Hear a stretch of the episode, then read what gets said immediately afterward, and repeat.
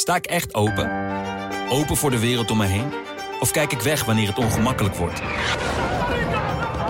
Luister ik naar elke stem of sluit ik me af voor het geluid dat me uitdaagt? Met de Volkskrant voel ik me verzekerd van een open vizier op de wereld om me heen. Open je wereld. De Volkskrant.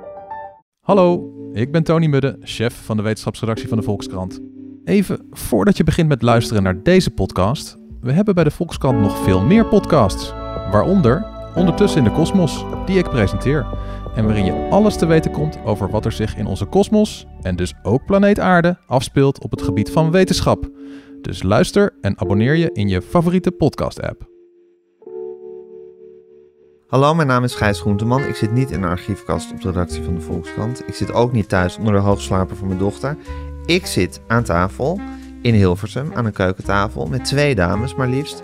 Ehm, twee dames die zelf ook een podcast maken. Die podcast heet De Kwak Kwaakt. En die gaat over een onderwerp dat hen allebei, eh, ja, kan je wel zeggen, zeer aan het hart gaat. Ze zijn namelijk allebei donorkinderen. Dat wil zeggen dat ze zijn opgegroeid in eh, gezinnen met een vader en een moeder, waarvan de vader niet hun biologische vader was. Ze zijn verwekt door een anonieme uh, zaaddonor. Maar die zaaddonors zijn later niet meer zo anoniem gebleven, want ze hebben ze opgezocht en uh, geprobeerd met ze in contact te komen. Dat is in allebei de gevallen niet gelukt. De vader van Esther is uh, overleden, was al overleden toen, uh, toen ze deze zoektocht startte. En de vader van Eefje wil geen contact met haar. Nou goed, dat heeft allerlei implicaties op hun levens. En daar praten ze heel uitgebreid en vind ik interessant over in hun podcast. en ik ga er nu even met ze over hebben te kijken of een klein ja, tipje van de sluier op kunnen lichten. Uh, uh, over de betekenis van het zijn van een donorkind. En wat een vader eigenlijk voor je betekent in je leven. Of wat ouders voor je betekenen in je leven. Luister naar mijn gesprek dat ik zo ga voeren met Esther Lau en Eefje Habits. Hoe kennen jullie elkaar eigenlijk? Ja. Esther en Eefje. Van die geheime donorkindgroep. Van de geheime Facebook. Van Facebook. Ja, daar kan je in een geheime omgeving. Hoezo zodat is dat een ze- geheime omgeving? Omdat heel veel mensen geheim houden dat ze een donorkind zijn. Om ouders niet te kwetsen of dat ze zich daar zelf voor schamen. Ja. Of, ehm, nou, dat ze nog niet weten van, eh, ja, Hangt er, is het ook iets van een taboe een beetje? ik denk het wel. Ja, maar voor ons niet meer. Nee. Nee. Maar dat is dus een geheime groep, dus dan kan je een soort van anoniem in, in die Ja. Facebookgroep. Ja, dan meld je je bij Stichting Donorkind en dan kan je in de Facebookgroep. En dan zit je onder een andere naam ook in. Nee, nee. Oh, dat nee. niet? Maar niemand, eh, zeg maar, als wij Facebook-vrienden zijn, kan je Ja. toch niet zien dat ik in die geheime groep zit. Oh, oké, Dus precies. Jullie is- weten het van elkaar dan wel dat je in die groep Ja. zit, maar de buitenwereld weet het niet. En je, en je, je, je, je verklikt dat dan ook niet aan anderen. Nee, dat is wel de Dat is, bedoeling. ja, precies. Dat is- Ja, ik heb het gevoel dat we daar allemaal wel respectvol mee omgaan. ja. En klikt het meteen tussen jullie in die Facebookgroep? Nou ja, we hebben elkaar wel opgemerkt, hè? Ja, Hoe kwam dat? Of waar zat hem dat in? Nou, er zaten toen wij erin kwamen, denk ik, zo'n 150 mensen, tussen de 100 en de 150 mensen in. Het was niet, nog niet zo groot, het zijn er nu eh 700. Mhm. En ehm, eh, er werd wel eh, gediscussieerd ook in die groep over hoe je dacht over je ontstaan. En dan zijn er mensen die zeggen, nou, ik ben heel dankbaar dat ik er ben. En dan waren Eefje en ik twee van de mensen die zeiden van, joh, nou ja, we zijn nog net niet zo helemaal gek geworden, maar je, je hoeft niet dankbaar te zijn voor je bestaan, weet je wel. Dus we vonden het onzin. En dan kwamen wel eens discussies en dan, ja, dan vind je elkaar Het is toch. toch wel een grappige soort filosofische discussie om in een Facebookgroep te voeren, hè? Of je dankbaar moet zijn voor je bestaan. ja. Ja, maar het is wel een van de dingen die op de bingo-kaart van het donorkind staan, zeg maar. Als je met mensen praat over dat je donorkind bent, dan gaat het snel over dat je ouders heel erg hun best hebben gedaan om jou te krijgen. En dat je toch blij moet zijn dat je er bent. Je moet niet klagen. Nee, Je moet vooral je ouders dankbaar zijn. je moet je ouders dankbaar ik vind het zijn. leven dankbaar zijn vind ik nog prima, maar je ouders dankbaar zijn, ja. En dat is iets in de in onder donorkinderen. Dat, die, dat, die, dat je eigenlijk. Want zijn eigenlijk de meeste donorkinderen gewoon van een, uit, een, uit een huwelijk waarvan de man dan onvruchtbaar was? Hangt een beetje af van welke generatie je Ja. bent. De, de, de oude taart als ik. Eh, ja, dat, dat werden alleen Welk echtparen geboortejaar geholpen. ben je? 1972. Ja, oké. Twee Ja. jaar ouder dan ik. Ja, Ja. ja. ja. sorry. Ook Je nou, ook een oude taart. Dat was niet persoonlijk. Nee hoor, ik vind het ook helemaal niet erg om een oude taart genoemd Maar te worden. Oké, heel goed. Nee, er zijn, eh, eh, zeg maar, ze zijn eind jaren 40 hiermee begonnen in Nederland. En eh, tot in de jaren 70 werden alleen echtparen geholpen. En dan onder het eh, dringende advies of de voorwaarden dat je daar niet over sprak met niemand. Het dringende advies en zelfs de voorwaarden. Ja. Het was, zo'n dringend advies dat het bijna een voorwaarde was. Ja, de, de- de ouders werden, als je met de ouders praat, dan vertellen ze wel dat ze behoorlijk geïndoctrineerd waren om, het, om er vooral niet over te praten. ja.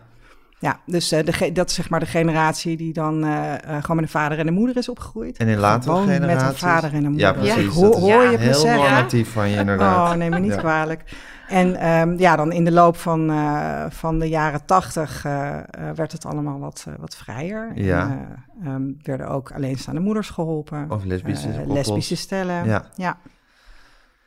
En dan is er dus binnen de wereld van de donorkinderen... en ik luister naar jullie... of ik heb jullie podcast beluisterd voor een groot deel. De aflevering die jullie tot nu toe hebben gemaakt.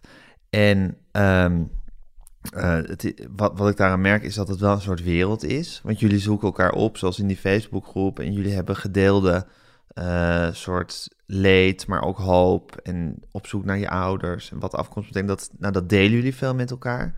Dus dan heb je, zal maar zeggen, een soort, soort, soort wereld van donorkinderen. En met, met elkaar bespreken jullie dan dingen als... eh, is, het, is het leven... Moet je, wie moet je eigenlijk dankbaar zijn voor je leven? Ja, sommige mensen vinden dat nodig om dat te bespreken. En Ja. ik, eh, in nu niet meer hoor, nu reageer ik daar allemaal niet meer op. Maar toen had ik nog wel de behoefte om te zeggen van, nou ben ik helemaal niet dankbaar voor. Om ook het, een ander geluid te laten horen. En dus ontstond soms discussie. En dan gingen wij met nog een paar andere meiden even apart in de messenger. Hadden we een groepje gemaakt. En dan gingen we zeggen hoe vervelend dat was. Dat iedereen, dat je dan dankbaar gevonden moest Ja. zijn. Ja, daar zitten wij Ja. natuurlijk niet op te Er wachten. zit ook een soort... daar zit ook een beetje iets militants in. Van ja, hallo, dankbaar zijn. Eh, Ja. Ja, Bekijk het even. ja, ja, want waarom? waarom waar zit dat militante in? Nou, dat, dat je ouders een keus, of hè, mijn ouders een keus voor mij hebben gemaakt, waar ik niet op zit te wachten. Dat doen ze alleen maar voor zichzelf. En dat doen alle ouders, dat is prima, maar daar hoef ik dus niet dankbaar Nee, voor te precies. zijn. Je, je zegt uiteindelijk is het, het, eh, het krijgen of het verwekken van een kind... is uiteindelijk een egocentrische beslissing. je En dat neemt. jij dan een donorkind krijgt, dat is heus niet omdat je zo graag een donorkind wil. Omdat, je, omdat ze jou dat leven willen geven. Nee. Omdat ze zelf een kinderwens Ja, hebben. En ze wilde heus wel het liefst een kind van beide ouders. Ja. Dus je bent toch een beetje second best eigenlijk. En daar moet je dan dankbaar voor zijn. Ja. Nee. Voelt dat ja. zo? Alsof je toch een beetje second best bent? Mm, nou, ja, ik voel me wel weggegeven bijvoorbeeld door mijn vader ook, door mijn donorvader. Ik denk, ja, die dacht toen ik geef een kwakje weg, maar het zijn gewoon mensen die je weggeeft. En vind je eigenlijk het, het, het zijn van een donor ook een egocentrische beslissing? Nou, ik denk dat met kennis van God, nu... ik voel, eh, even pauze, maar ik voel Ja. al zoveel ingewikkelde, Ja. eh, ingewikkelde Ja. gevoeligheden eh, in dit kunnen hele hier nog de hele onderwerp. dag over praten. Ja, maar goed, vind je het, het, het, het, geven, het, zi- het zijn van een donor ook een egocentrische beslissing? Ik denk dat het heel vaak werd gedaan vanuit altruïstische overwegingen, omdat mensen iets goeds wilden doen. Ja. Dat geloof ik echt. En ik geloof dat dat nog heel vaak zo is. Alleen eh, wordt er wel heel weinig nagedacht over dat kind, dat mens wat daaruit ontstaat. En vooral zeggen donoren dan ook, ja, maar ik wil andere mensen graag, een, gun ik een kindje, wil Ja. ik gelukkig maken. En dan denk ik, eh, bijvoorbeeld bij mijn vader nu, dan, die dan geen contact wil, denk ik van ja, als je zo graag mensen wilde helpen, kan je mij nou ook toch gelukkig maken. En door even een, een mij te leren kennen, Ja. een ontmoeting te, eh, ja, met, Ja. met mij te doen. Want dat is ook een onderwerp in jullie podcast, dat eh, jouw vader, of jouw biologische vader, eh, je weet wie het is. ja, Heb je hem nou eigenlijk actief opgespoord? Heb je je best voor moeten doen? ja, Ja, best voor moeten doen. maar moeten- Else Lijs, onze familiedetective, heeft daar vooral haar best voor gedaan. Oké. Ja, maar het Ja. was een makkelijke zoektocht bij mij, dus dat scheelde. Ik was binnen een week eh, na Binnen de een week had je DNA-test. eh, ja, Oké. ja, ja. Nou, gaan we zo meteen over hebben hoe dat dan eigenlijk precies gaat. ja. Maar hij wil geen contact met je. Nee, helaas. Nee, het is heel jammer. Ja, ja. Nog niet, Gijs. Nee, nog niet, hè? Nee, Want nou, dat is ook een ik- ja. beetje van... Hij is pas 60, hè, dus hij kan nog 23 keer eh, van gedachten veranderen natuurlijk. Maar wat wij vaak horen en wat ik ook weer van familie hoor, want ik heb dan contact met een broer van mijn donorvader en, en met zijn nichten van mijn donorvader. Ja, je probeert toch wel hè, te halen wat je wel kan krijgen. Tenminste, dat, dat is mijn idee dan. En ik vind ook een heel leuk contact met mijn oom. Heb ik een heel leuke man. Ehm, ja, je hoort vaak dat de, de vrouw van de partner, deze partner, Ja. die wist bijvoorbeeld dan niet dat hij gedoneerd had. Die vinden dat dan moeilijk. Ja. En dat snap ik ook. Want ehm, ja, zij hebben eigenlijk niks met mij. Nee, En dan komt iemand jouw veilige gezinnetje, wat je hebt met je man en je ja, kinderen, verstoren. verstoren misschien. Tenminste, dat is denk ik de angst. En ik snap het gevoel heel goed, eh, maar dat je erop handelt vind ik dan weer iets moeilijker te begrijpen. ja. Maar dat gebeurt heel veel, dus dat Waarom wil je hem zo graag leren kennen? Ehm, ja, waarom zou iemand niet zijn vader willen leren kennen? Ja, ik vind dat. eh, ik- het is een deel van mij. Ik vind dat belangrijk wie dat is. En eh, ja. En wat... wat, wa- Dat is niet, dat, ja, ik vind dat een lastige vraag, omdat het is niet iets wat eh, rationeel is. En jij vraagt eigenlijk iets rationeels, wat Ja. helemaal niet rationeels is. Het Ik is vergelijk het, Het is wel een, met het is een hunkering. ja, ja, ja.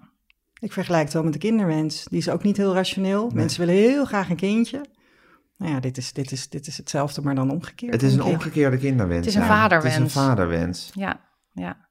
Ja, het is heel moeilijk uit te leggen. En het is ook, eh, het is ook jammer, waarom moet ik uitleggen terwijl Je iedereen... moet het helemaal niet uitleggen. Het Nee. is gewoon nieuwsgierigheid. Nee, ik snap het. Het Ik snap helemaal jouw je, je- vraag. je hoeft je niet te verantwoorden, maar ik vind Ja. het natuurlijk Maar fascinerend. wij krijgen die vraag natuurlijk vaak. Ja, maar dat is denk ik niet uit, eh, of tenminste in mijn geval is het niet uit eh, omdat, ik je, omdat ik je wil terechtwijzen erop, of soort van erop wil aanspreken.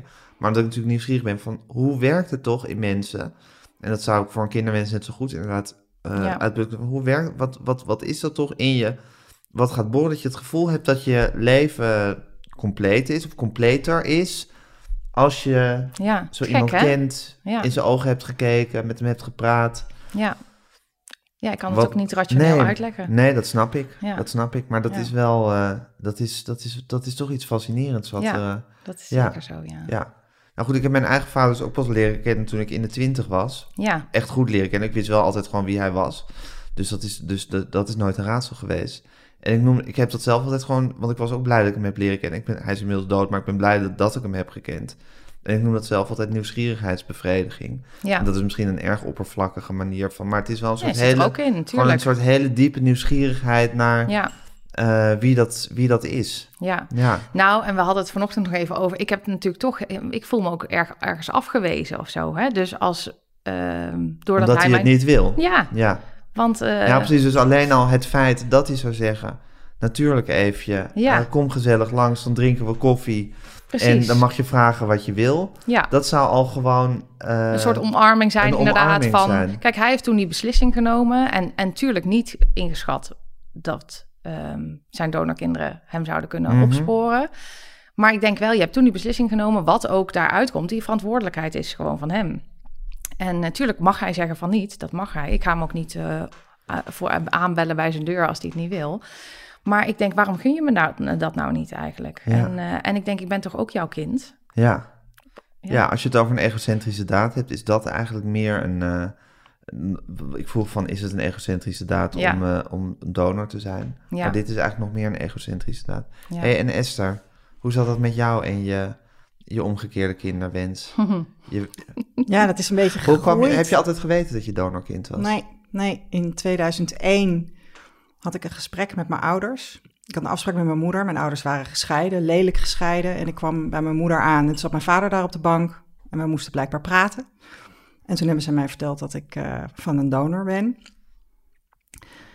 En ja, ik was toen dus 28. Ehm, en ik heb de eerste tien jaar eigenlijk gedacht van... joh, ik heb een vader. Weet je, het, het is Ja. prima zo. En ze had, er was mij ook wel verteld van... ga niet zoeken, heeft geen zin. Die man is anoniem, kom je nooit achter. Dus nou ja, daar heb ik dan toch bij neergelegd. Ehm, ik heb nog wel iets grappigs ge- gedaan. Ik ben met mijn vader naar een fotograaf gegaan... want ik had heel erg de behoefte echt om hem te bevestigen dat hij mijn vader is. Hm. Dus ik wilde wilde een heel soort lief voor hem zijn. van jullie twee Ja. laten maken. Ja, dus dat hebben, dat hebben we gedaan. Echt eh, ja, grote bevestiging naar hem. Van joh, jij, jij bent Jij en bent blijft mijn papa. En in de loop van de jaren, ehm, ja, weet je, af Waarom besloten ze eigenlijk dat je het moest weten op je 28ste? Eh, door druk van buitenaf. Ze mochten er natuurlijk van de dokter niet over praten. Maar ze hadden toch allebei niet helemaal hun mond gehouden. En er was iemand heel boos op mijn vader. En die heeft gedreigd om mij te informeren. Dus eh, iemand die, eh, die ons wilde kwetsen.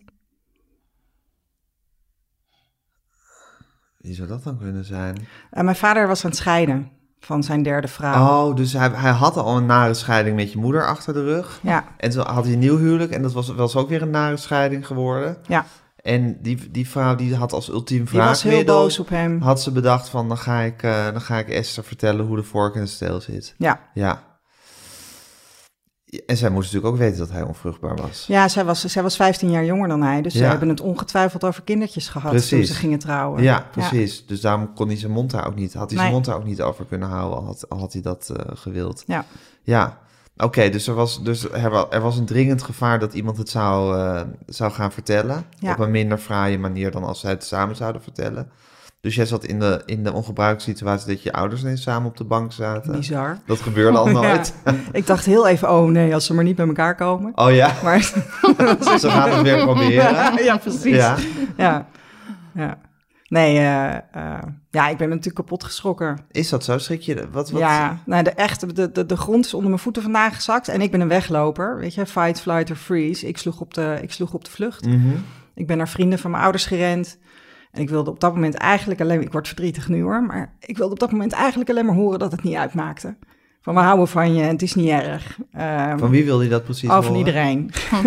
maar allereerst dus van die, van die vrienden van mijn ouders. Ehm, en die hebben ook gezegd van joh, ja, die, die bleken het dus ook altijd te hebben geweten. Ehm, en ehm, ja, die hebben, me, die hebben me even vastgehouden. En nou ja, toen ben ik uiteindelijk weer naar huis gesloft. Of naar het huis van mijn moeder. Ehm, en mijn ouders hebben het op zich, weet je, de- in, in, ja, dit is natuurlijk een akelig gesprek om te hebben met je, met je kind. Maar ik denk dat ze het wel goed gedaan hebben. Ik, eh, ik heb door mijn leven heen wel geregeld, ook met eh, wat hulp gehad. Ook eh, van psychologen. En zij hebben ook iemand benaderd waarmee ik gesprekken had gevoerd. En ze hebben advies gevraagd van hoe pakken we dit nou aan. Mhm. Ehm, ze hebben mij ook verteld van, joh, dit, dit is jouw verhaal. Dus als jij hierover wil praten, dan moet je dat doen. Dus dat is, dat is prettig, want dat gaf mij de ruimte om, eh, om zelf te beslissen of ik daar met mensen over wilde praten. Heeft het de verhouding met je vader, dus met je niet-biologische vader, fundamenteel veranderd? Ja, in die zin dat het, eh, mijn ouders waren al vanaf 84 gescheiden. En de relatie met mijn vader is na die scheiding heel ingewikkeld geweest. Ehm, en dat is hij nog steeds. En ik, Hij leeft nog. Hij leeft nog. Ja. Hij woont hier in Hilversum. Ik spreek hem niet. Ehm, maar het heeft voor mij wel een ander licht geworpen op de zaak, zeg maar. Dat hij Ja. mijn, moeder verlaten heeft. Het en- gekke is natuurlijk dat, het, dat, het, dat, dat je dus eigenlijk niet weet... Ja, dat is natuurlijk een soort projectie. eh, van, je, je gaat dan inderdaad... Ik kan me inderdaad voorstellen dat je na zo'n vechtscheiding... Noem het maar even een vechtscheiding. Ja, Dat je inderdaad een, een problematische relatie met je vader kan hebben. Ook met je moeder, maar zeker ook met je vader. Dan hoor je dit en dan kan je natuurlijk inderdaad al die problemen gaan projecteren op het feit van... En ik ben ook zijn biologische dochter niet. ja. Ja, ja, wat voor rol speelt dat wat dan? voor rol hè? speelt dat? Ja, Ja. precies. Ja. Dat, dat is een puzzel waar je nooit echt uit gaat Nee, komen je krijgt geen antwoord. Nee. Nee. Nee. dat klopt. Nee, dat is een verhaal wat je zelf zal moeten maken en Ja. waar, waar je mee zal- moeten leven. Ja, en wat dat betreft hè, heeft hij sowieso. ehm, hè, ik, heb, ik heb dan een problematische relatie met hem. Ik heb hem nu dan al jaren niet gesproken. Maar hij had ook eh, eh, hetzelfde met zijn moeder bijvoorbeeld. Dus is, ja, weet je, ligt dit gewoon bij hem en heeft hij dit met mensen die Ja. dichtbij zijn? Of, Ja, of speelt en het hij een heeft dus rol? ook heel wat huwelijken er doorheen gejaagd Ja, in zijn zeker. leven, die ook allemaal niet even vrolijk zijn geëindigd. Ja. Nou. Ehm, terwijl je dus vlak na dat gebeuren juist een hele diepe behoefte voelde om hem te erkennen als je vader en die liefde Ja, eh, te uiten. ja, ik had ook heel erg met hem te doen. Weet je, je krijgt het verhaal te horen van. Eh, ik, ik was onvruchtbaar. Hè? Je moeder wilde heel graag een kindje. Eh, Is ik ook een kon haar dat niet geven. Is een hele lastige situatie. Ja. Zeker. Toch? Ja, Ja, en ik vind ook wat dat betreft dat die vaders die toestemmen zeg maar, in deze constructie of daarin meegaan of dat samen met hun vrouw doen, dat, dat, daar, daar zit wel heel veel liefde achter, denk ik. Hè, dat je zoveel van je vrouw houdt en dat je haar dus een kindje gunt. Nou ja, een kinderwens is ook bent- wel iets heel fundamenteels hè? Ja, in, een vrouw, in een vrouwenleven. In een mannenleven ook, maar in een vrouwenleven is het natuurlijk zoiets...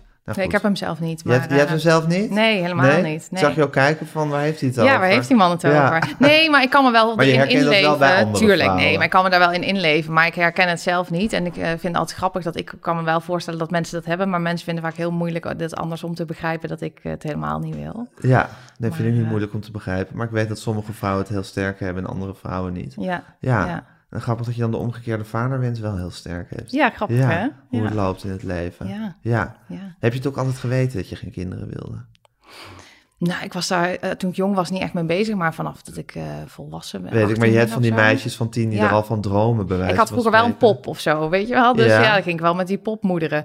Maar dus ik misschien wel ooit gedacht, maar ik kan me niet echt herinneren dat ik dacht, oh, als ik later kinderen heb, dan. Nee, Dat kan ik me niet herinneren. nee. Nou, dat is- maakt ook helemaal niet uit. Maar goed, ik wil maar zeggen, ik kan me inderdaad voorstellen dat als, als een vrouw echt heel graag een kind wil en je kan dat als man niet geven, Ja. dat je iets moet. Je Ja. moet iets. Nou ja, weet je, mijn, mijn- ouders gingen dan kijken naar adoptie. eh eh nou, wilden toch wel heel graag een eigen kind. Daar ga je al, hè. Eh, dus dan, ja, dan, dan ging het eigenlijk niet door. Totdat mijn moeder dokter van M. de Boas op tv zag. En oh, er is een uitweg, weet je. Er was eh, ja, KID, kunstmatige Ja. inseminatie met donorsperma. En toen is ze de dokter gaan bellen. En eh, nou ja, in het kort ben ik er zo gekomen. Ja, En in die tijd dachten ze natuurlijk hè, dat als je een kind opvoedde in jouw eigen gezin, dat dat dan helemaal niet uitmaakte waar die genen vandaan kwamen. Nee. Dus in die zin werd er toen heel anders naar gekeken dan.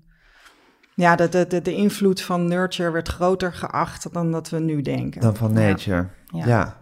Volg je ook die hele discussie over adoptie eh, Ja. die er nu heerst met, eh, of nu, nu Ja. gevoerd wordt met veel interesse? Ja, heel veel interesse. Ja, want dat het, ja, het is anders, maar het lijkt heel veel op elkaar. Heel veel eh, dingen die overeenkomen. We hebben in ieder geval ouders met diezelfde kinderwens, eh Ja. geadopteerde en donorkinderen. Ja, Dat- En, en ouders die dus ook bereid zijn om ver te gaan. En daarin misschien soms ook grenzen te overschrijden die waarvan je van een afstandje kunt denken van, hè, dat is apart. ja, Hè, dat je op een illegale manier aan een kindje komt of dat je be- besluit om te leven met een familiegeheim. ja.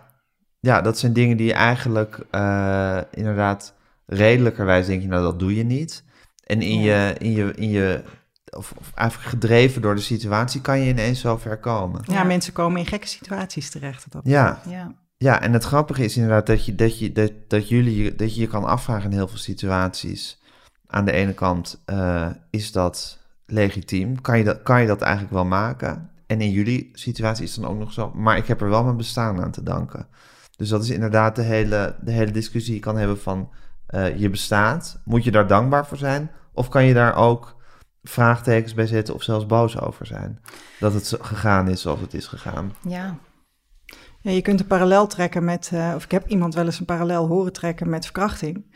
Weet je, het feit dat je op een bepaalde manier ontstaan bent, Ja, kan in principe losstaan van het feit dat je blij bent dat je er bent. ja, ja. Weet je, dus ik, ik kan best blij zijn dat ik er ben, maar dan hoef ik nog niet dankbaar te zijn voor hoe ik, weet je, dat ik zonder seks gemaakt ben. En serieus, Gijs, ik heb echt wel gedacht van, nou, mijn ouders die vinden elkaar helemaal niet lekker ruiken, joh. Dat is echt, Ja. dat is geen match made in heaven, hoor. Hoe hebben ze dat ooit kunnen doen? Nou, echt. Ja. Ja. Ja.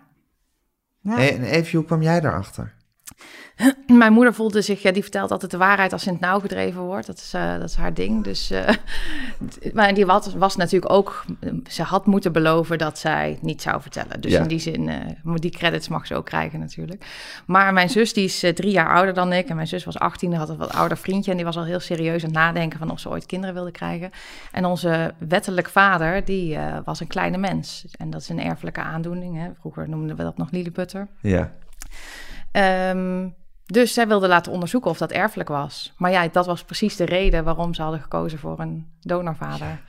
Dus het is ook heel Dus jouw vader was misschien wel vruchtbaar, maar vanwege zijn erfelijke Ja. afwijking hadden, vonden ze het niet, wilden, ze, wilden ze dat risico niet nemen. Nee, nee, en hij zei dus later, want ik heb hem vorig jaar een keer gesproken. Hij zei van ja, maar dat was een heel bewuste keuze van hem. Hij zei dat wil je echt iemand niet aandoen. Om, hij heeft denk ik zelf heel veel last van gehad dat hij klein was. Dus eh, hij had echt zoiets van dat doe je iemand niet aan. Nee. Dus hij stond daar ook helemaal achter. Dus dat is op zich, eh, was op zich voor mij goed om te horen. Want ik dacht dus altijd van ja, wij hebben echt geen goede band. Waarschijnlijk omdat hij niet kon accepteren dat ik... Ik dacht dat mijn moeder, hè, zoals vrouw met een kinderwens, een beetje doorpushen. Dat was mijn idee. Dat zij hem een beetje had overgehaald. Mhm. En toen hoorde ik dat hij echt zelf daar helemaal achter stond. En dat was wel goed om te horen, vond ik, ja. Ja, waarom vond je dat goed om te horen?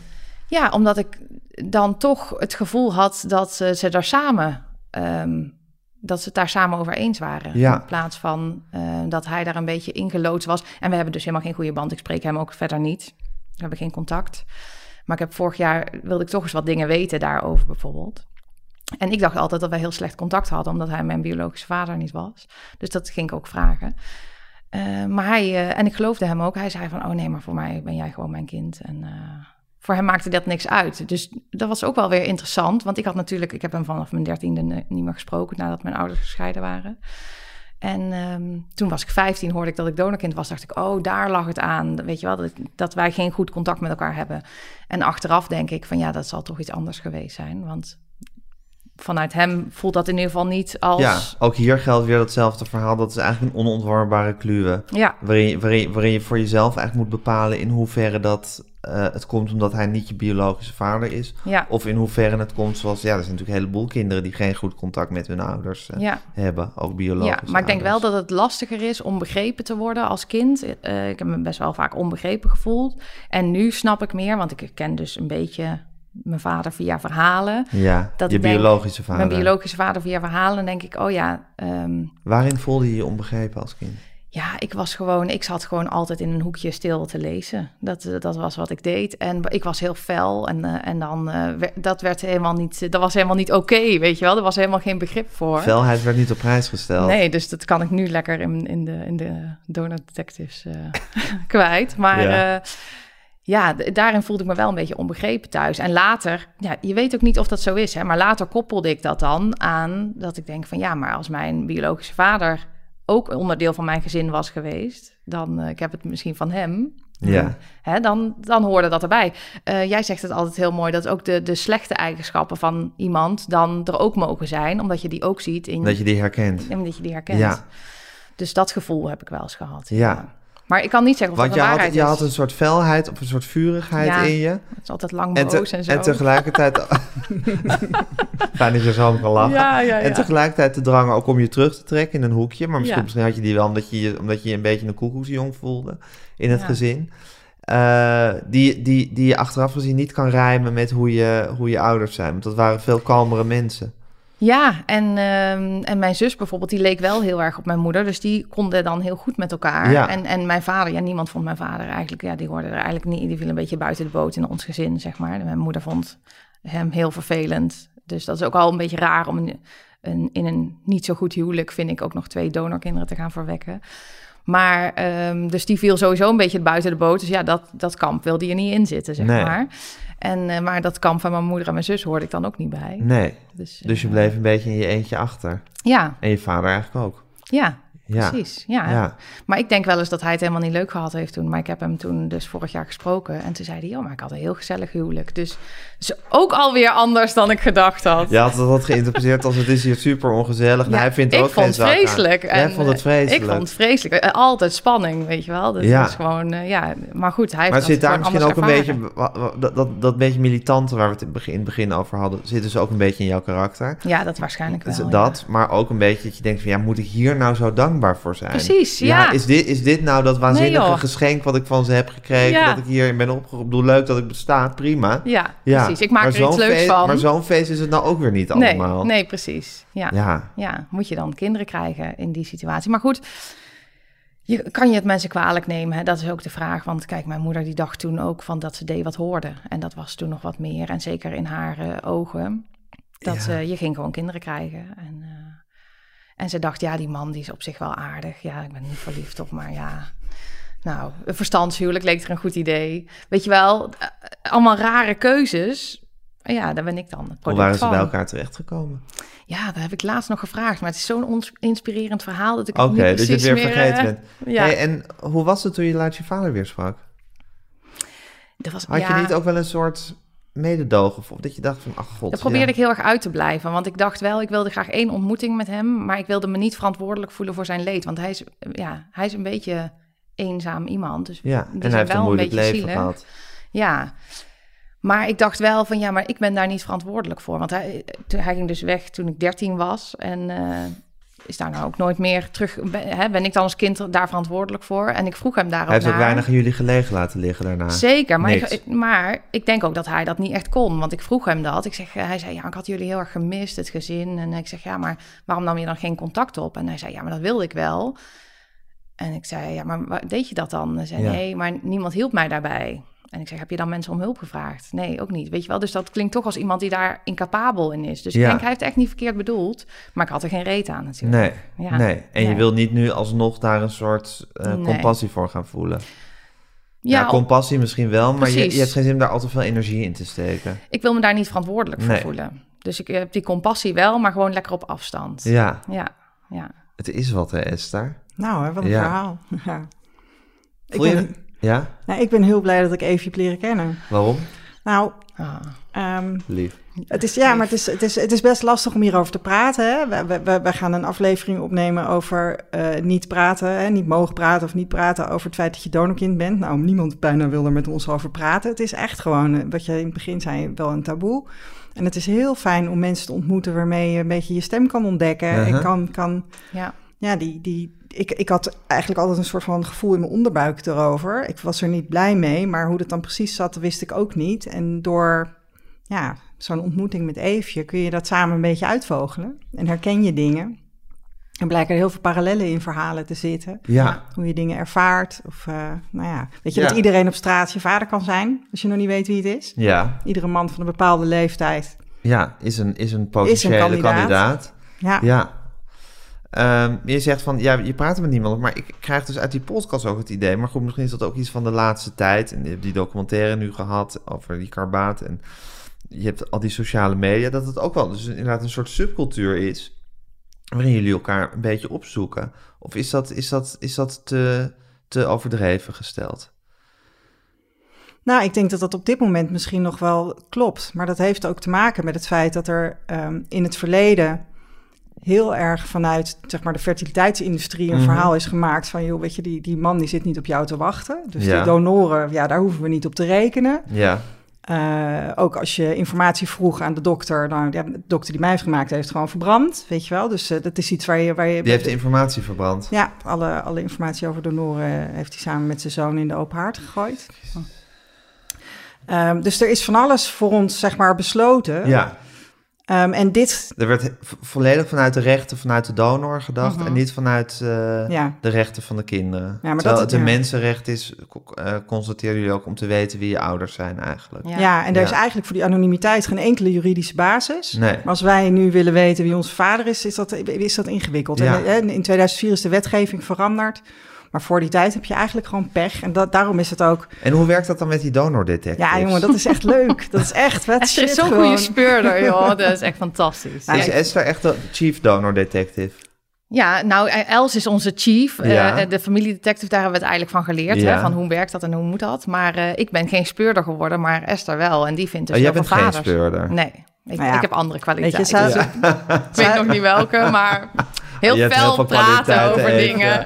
Ja, zeker. Ja, maar Eefje had inderdaad gewoon, die had een nicht van haar vader die testte, weet je. Nou, dan is het ook, ja, dan Maar is hoe gaat dat dan met dat? Ik bedoel, wat, hoe, hoe werkt dat, die donor detectives? Ja, nou, je koopt, een, eh, je koopt voor 49 euro in de aanbieding een testje eh, bij een eh, internationale databank. En dat, dat, dat- we adviseren om te beginnen bij Ancestry, maar je kunt eh 23andMe doen, je kunt MyHeritage doen, eh Family Tree DNA.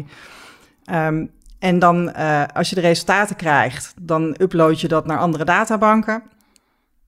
En dan ga je kijken of je DNA-matches hebt. En ehm, in principe iedereen met wie je een DNA-match hebt, is familie van jou. En hoe meer DNA je deelt, hoe dichterbij iemand familie is.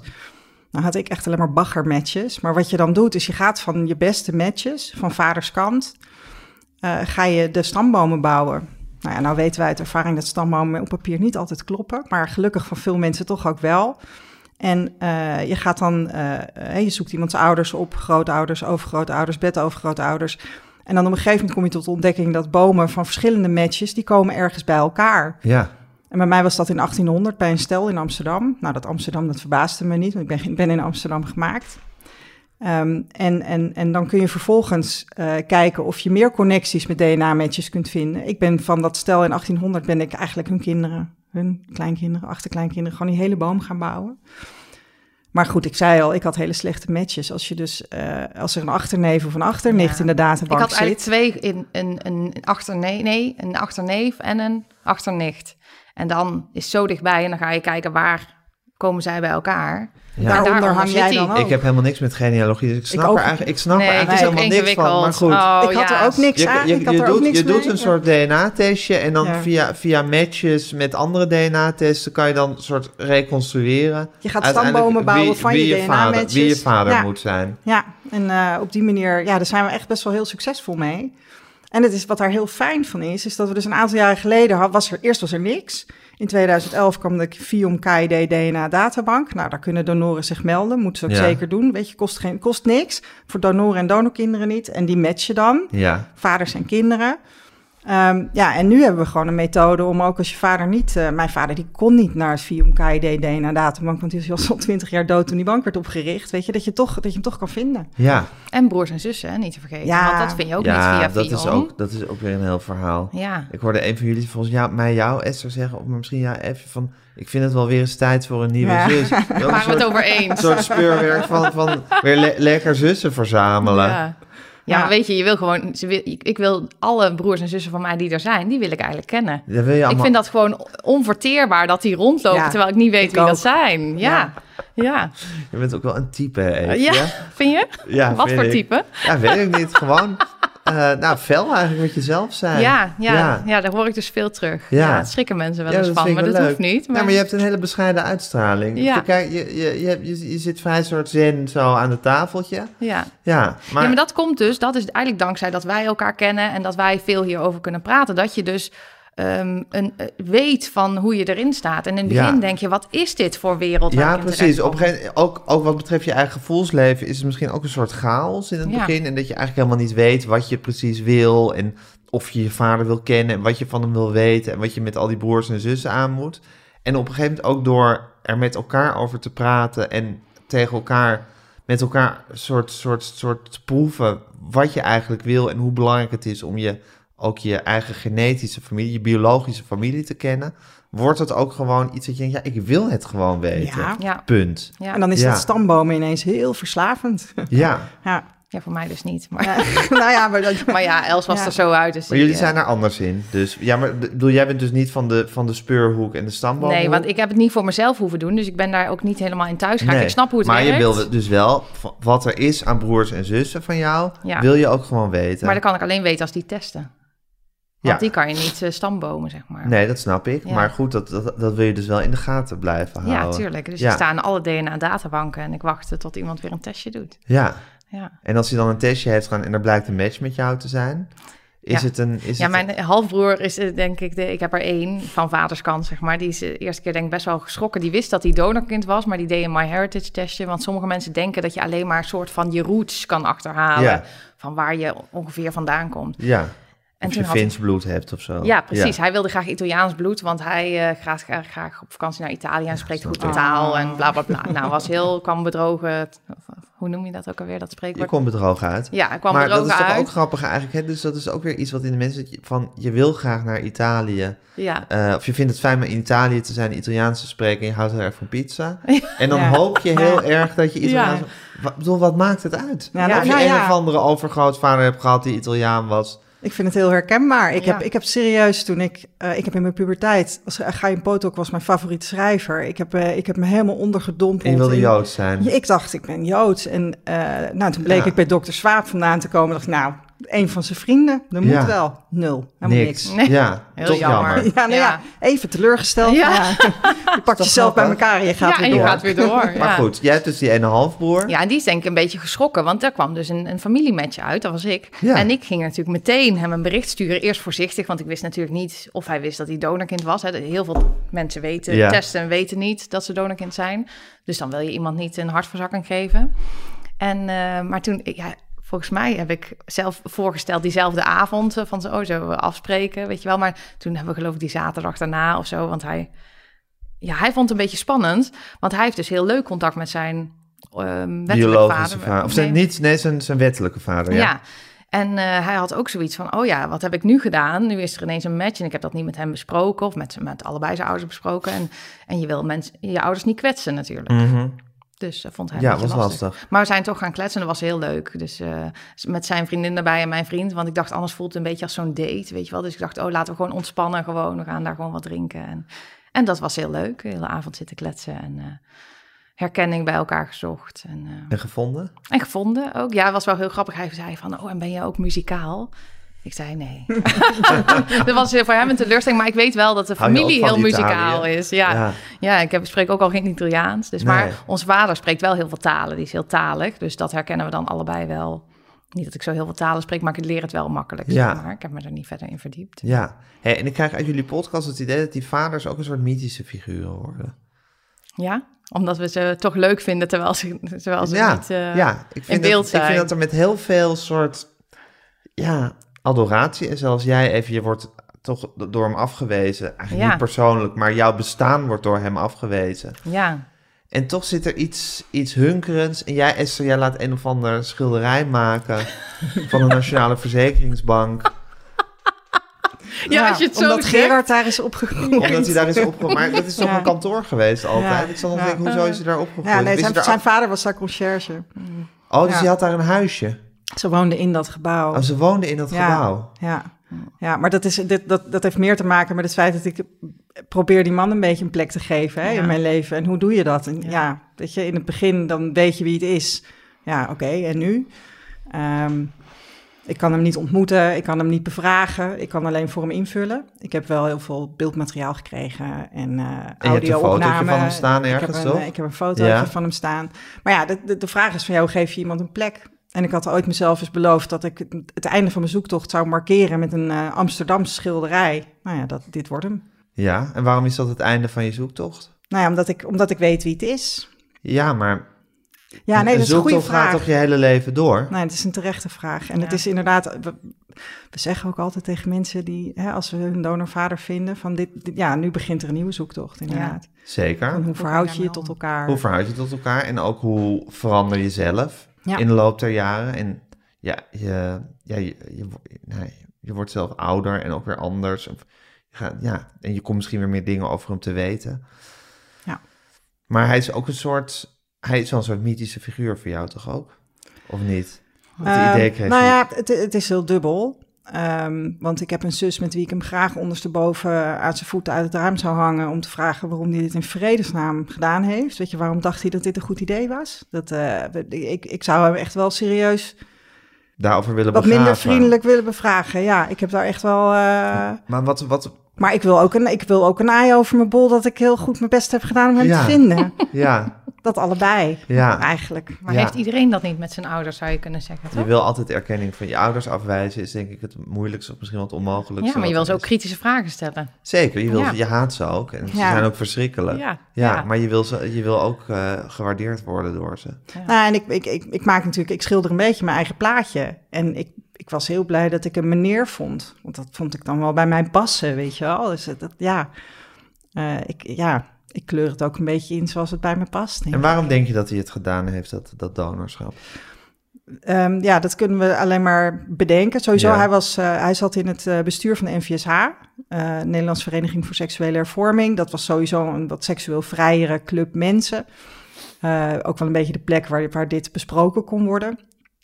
En ik heb de indruk dat eh, er zit acht jaar tussen het, eh, zijn eerste en tweede wettig kind. Dus hij en zijn vrouw hebben moeite gehad om dat tweede kind te krijgen. Ja, En ik vermoed dat de dokter ze geholpen heeft. En eh, toen dat kindje er was, heeft gezegd van... joh, er zijn ook andere mensen die heel graag een kindje willen... en bij wie het niet lukt. Ehm, maar goed, dit is, dit is aan Ja, mijn fantasie zeker. hè? ja. Ehm, maar het is wel heel toevallig dat de donorkinderen beginnen te komen... op het moment dat zijn jongste zoon geboren is. ja, En dat er dus acht jaar tussen die twee, eh, tussen die twee kinderen zit. ja, precies. Dus heeft die dokter gezegd van jullie hebben zoveel moeite ermee gehad. Er zijn meer mensen die dat moeite Ja, hebben. Die wil je kan helpen? Die kan je ook helpen. Ja, en, en, en ik heb de indruk dat eh, Gerard dat met heel veel liefde en overgave gedaan heeft. Want er zijn 15 jaar lang in ieder geval donorkindertjes geboren. En eh, ik weet niet met hoeveel we zijn, maar eh, eh, ja, ik heb de indruk dat hij wel geregeld eh, bij is de er een dokter soort langs is gemiddelde geweest. van, do- van, van aantal kinderen dat een donorvader heeft? Of is er een soort... soort... Nee, nee. Het verschilt heel erg per arts. Ja. Ehm, je hebt bijvoorbeeld in Amsterdam heb je ook dokter Levy. Nou, daar heb je mazzel als je een broer of een zus vindt. Terwijl als je bij dokter Swaap vandaan komt, de meeste mensen zijn echt wel onderdeel van, eh, van wat grotere Van een groepen. grote familie. Ja. Dus En- dat hing ook een beetje van de persoonlijke soort ideeën van de arts af. Of hij veel kinderen liet geboren worden van één, eh, van Ja. één donor. Of dat hij iets had van, nou, als je één of twee kinderen hebt gehad, is het echt genoeg. Misschien Ja. heeft het ook te maken met hoe, hoe makkelijk die aan donoren kwam. Ja, Weet je, die Levy was huisarts. Die had misschien meer kerels over de vloer die wel een keer even wilden helpen dan, eh, dan, dan Swaap als vrouwenarts. Ik, Ja. ik- ja. Eh, maar de- je hebt natuurlijk ook uitwassen, eh, waarbij er gewoon echt heel veel kinderen zijn gemaakt met, met donoren. En ik, heb- ik heb wel de indruk dat er is een inschatting dat 10 tot 20 procent van de donorkinderen het weet. Ehm, wij zijn nu met negen donorkinderen. Nou ja, dan zijn we dus misschien met 100. Ja, ik weet het niet. Hm. Ehm, ik zou ze net als Eefje echt heel graag wel allemaal Jij wil ze allemaal, je wil ze allemaal weten. Verzamelen, ja. Verzamelen. Ja. Verzamelen ze allemaal. Ja, nou het grappige is, hè? Ja, ik denk dat, dat ik er niet zoveel heb. Want eh, sowieso eh, in, in mijn groep, we hebben ook in die eh, donor eh, geheime Facebookgroep, donorkinderengroep, hebben we weer aparte groepjes per kliniek. En uit mijn kliniek zijn nog heel veel weinig mensen onderling gematcht. Ja. Waardoor ik dus denk dat eh, onze Dat de het in die kliniek usance was om gewoon één of twee donorkinderen per donor geboren te Nou, laten worden. ehm, van mijn eh, via via hoor ik dus weer dat mijn eh biologisch vader zegt van afgesproken maximaal zeven. En nu denk ik dus, want ik heb dus pas één halfbroer gevonden, denk ja, misschien hield deze arts zich daar redelijk netjes aan dat hij maximaal zeven kinderen per don- donor verwekte. Want anders hadden wij, eh, bij Esther's kliniek zijn al heel veel grote groepen gevonden. Dus Ja. anders hadden wij ook al wel een grote groep gevonden, denk ik. Maar ja, kan ook andere.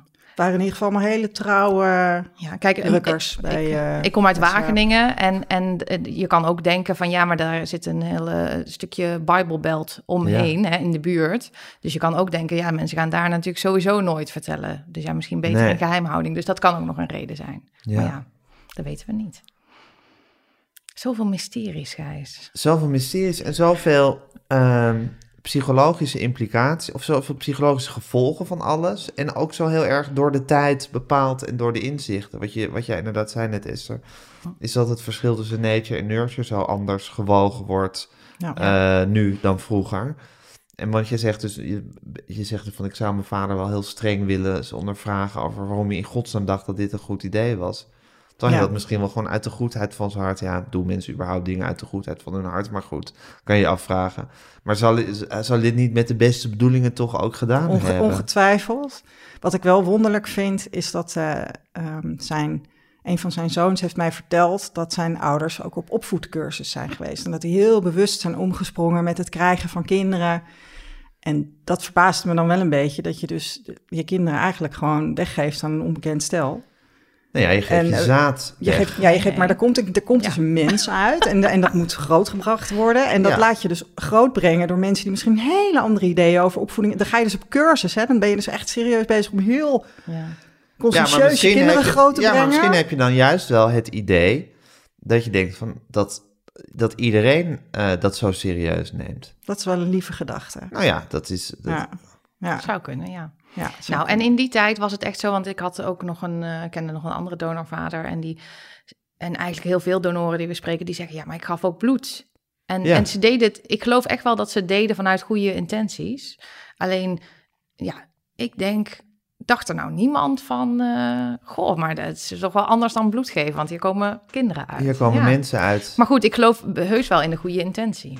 Ik ja. geloof ook wel dat, ze, dat die mannen zich realiseren dat het anders is dan bloed geven. Want de donoren die we kennen, die we spreken, want we vinden er natuurlijk ook een hoop, die hebben echt allemaal wel eens gedacht van, goh, wat zou er van gekomen zijn? Weet je, zijn er kindertjes uitgeboren en, eh, Ja, en hoe en zou het met die kindertjes gaan? Ja. Ja. Ja, kindertjes zeg ik. Ja. Hier twee eh, volwassenen Ja, dat is ook, vrouwen daar gaat jullie eerste aflevering over, over Ja. de terminologie in de, bij de donorkinderen. En Ja. inderdaad, het, het ding is dat het, dat het inderdaad gaat over volwassen mensen. Eh, of oude, oude taarten zelfs. Ja, Ja, die, die gewoon, eh, die dan nog steeds donorkinderen heten. Ja. ja. En wat ik ook heel ont- ontroerend vond, jullie spraken dus met, met eh, het oudste bekende donorkind. met Els. Met ja. Els via de telefoon. En ehm, eh, zij vertelde dat ze dan een match had met, met, haar, met, haar, met haar broer. En dat ze daar een berichtje aan stuurde. En die zeiden van, oh leuk, ik wil je heel graag ontmoeten. En toen waren je echt allebei helemaal van...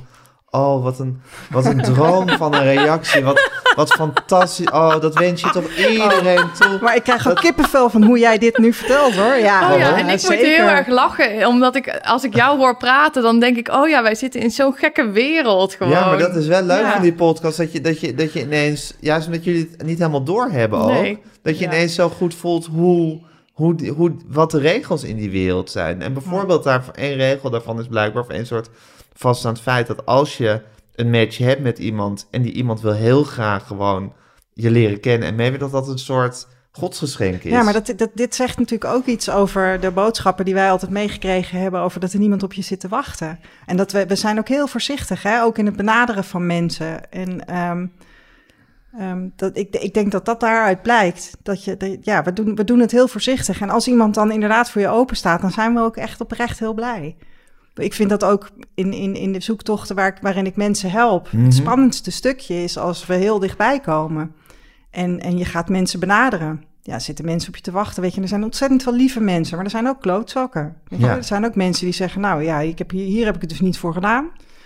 Die, die zijn er ook. Dus als, als, eh, als iemand open staat voor contact, is dat gewoon fijn. Als je antwoord kunt krijgen op je vragen, dat is een beetje het hoogst haalbare. En alles wat je dan, als je dan ook nog met kerst mag komen, bij wijze van spreken, dat is allemaal echt, jongens, dikke vette bonus. Maar ehm, eh, gewoon. Nou, van dat kerst vind ik nog wel, vond ik nog wel een interessant punt. Want dat sneden jullie ook met Els aan. Van ga je dan misschien kerst Ja. vieren met je broer? En denk ik ook van ja, kerst vieren is toch typisch iets wat hoort bij een traditie. Bij dat je, dat je gewoon, dat doe je al van kinds af aan met elkaar in een uitdijend of inkrimpend gezin. En dat is toch wat anders dan, ja, je hebt toevallig een genetische match met iemand en je kan het al niet goed met elkaar vinden. ja. Ik denk Maar moet je dan ook zo eh, die traditie gaan... Ik eh, denk dat we onze eigen tradities maken. Ja. Weet je, want wij, zijn, wij kunnen niet op die tradities onze familiebanden vormgeven. Dus wij moeten zelf Nou ja, jullie zoeken. hebben, jullie hebben een, een, een, een niet eh, per se genetische familie met wie je ook traditie hebt. Misschien tradities Ja. vol ruzies en afwijzing. Maar Nou goed, dat is, dat is jullie traditie. Maar dit, hoort, dit, dit, is, dit is een soort van extended family dan, waarbij je een zoektocht hebt van hoe ga je daar samen vorm aan geven. Ja.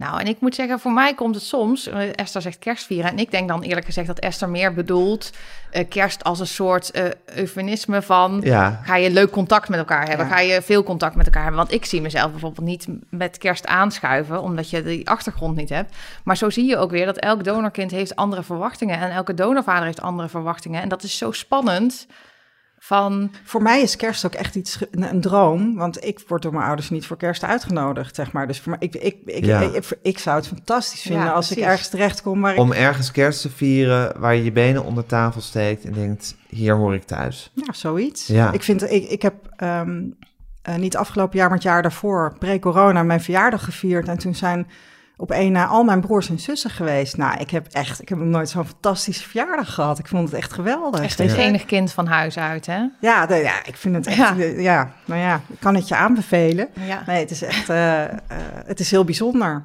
Echt, en omdat het ook, ik ook bij, bij die broers en die zussen op zoek kan naar van ja, wat bindt ons nou? Ehm, en daarin lijk ik op jou. En zijn inderdaad die trekjes die thuis misschien werden afgewezen, zijn die hier wel geaccepteerd? Of Ja. hebben, hebben zij dezelfde ervaring? Ja, je hebt natuurlijk eigenlijk een soort dubbel whammy bij die broers en die zussen. Want A, jullie zijn allemaal donorkinderen. Dus Ja. jullie hebben allemaal die gedeelde geschiedenis. En Ja. hebben jullie ook nog voor de helft hetzelfde genetisch materiaal. Dus kan je daarin ook nog op zoek naar, eh, naar eh, overeenkomsten. Ja, en ik heb, ik heb een broer die gewoon eh, een, een fotocopie schijnt te zijn van onze vader. Nou, is toch Ja. fantastisch? Weet je? Ja. Ben je wel eens jaloers op eh, Esther Eefje dat ze A, een, do een dode biologische vader heeft, dus die haar niet meer kan afwijzen. En B, dat ze zoveel broers en zussen heeft. Nee, nee, daar ben ik niet jaloers op. Maar ik ben wel soms jaloers dat Esther zo stoer is. Want nou hoor ik haar weer praten en dat ze mensen voor de verjaardag uitnodigt. En ik ben dus heel voorzichtig. Want ik ben dus de hele tijd bang toch dat ze mij gaan afwijzen. Dus ik ga, ik ga niet te veel vragen, zeg maar, snap je? Ja, Dus daar ben ik dan wel jaloers op, dat zij zo dapper is. Ja.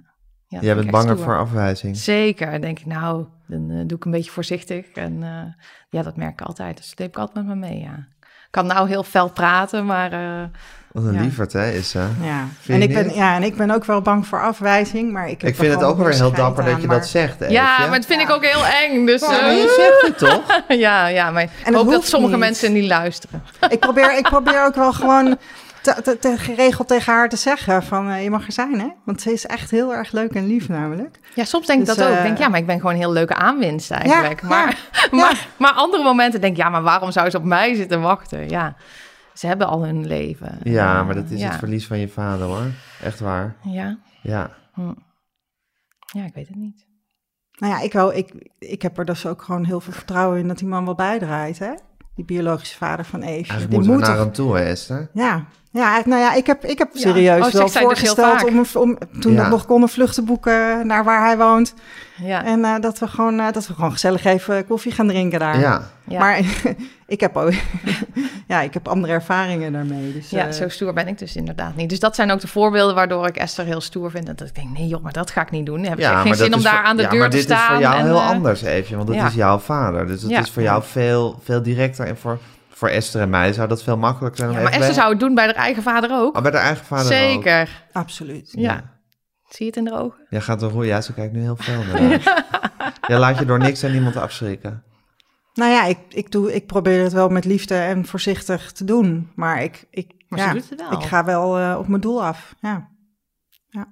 Zo ben ik ook bij, bij mijn eh, broer aan de keukentafel beland. Wettig kind van Gerard. Ja, dat, eh, Met je, noemt je, vader, je, je noemt je biologische vader altijd Gerard, hè? ja, en ik ben op zoek nog, hè? Maar ik, ik, ik denk dat dit een prima oplossing is. Op ik denk zoek dat, naar de definitieve benaming. Ja, ja. Ja, ik vind dat jij dat heel goed doet, hè? Met biologische vader en vader. En eh, Nou ja, Ja, want het ik is maak- best Ik maak er verwarrend. een beetje een rommeltje van. ik vind dat je het heel goed doet. Dank je. Ja, nee. Vind ik ook. ehm, Ik vind dat jullie het ook heel goed doen. maar dit blijft er vast niet Ja. in. ik heb zo'n gevoel. Oh, jawel. Daar heb ik niet helemaal uit zitten knippen, hoor. Oh, nee. Ja, nee, ik, ik noem hem Gerard, omdat ik ook denk dat als hij nog geleefd had, dan was dat waarschijnlijk ook gewoon de oplossing geweest. Dan had ik hem ook Gerard genoemd. Ja. En ik heb een vader. Ik heb mijn je? vader ook nooit... eh, het zou niet in mijn hoofd opgekomen zijn om, om hem ooit papa te noemen Nee. of wat dan ook. De, Is Als te dat- laat. dat te schip... laat. eh, is te laat. Ja, dat ja. is gepasseerd. Ja. Ja. Ja. Maar ik noem hem wel tegen anderen mijn vader. Ja. Ja, maar ik Ja. zou hem daar nooit zo eh, mee aanspreken. Maar mag ik vragen waarom jouw vader niet betrokken was bij de opvoeding? Eh, dat mag je zeker vragen. Dat was omdat eh, mijn, mijn moeder en mijn vader allebei met elkaar geen relatie hadden. Hij haar wel zwanger heeft gemaakt voor de tweede keer overigens. Ze had al eerder een kind van hem gekregen. Dat maar heel kort heeft geleefd. Vier dagen heeft geleefd. Daar doet ze zelf altijd heel ondramatisch over trouwens. Oh ja. Het lijkt mij, het lijkt mij best Ja. pittig. Maar, Zo. maar goed, dat was notabene ook van hem. Dus waarom hij zich de tweede keer eh, Niet bij de neus heeft laten Ja. nemen, weet ik niet. Maar goed, dat is gebeurd. En hij wilde gewoon geen kind van haar.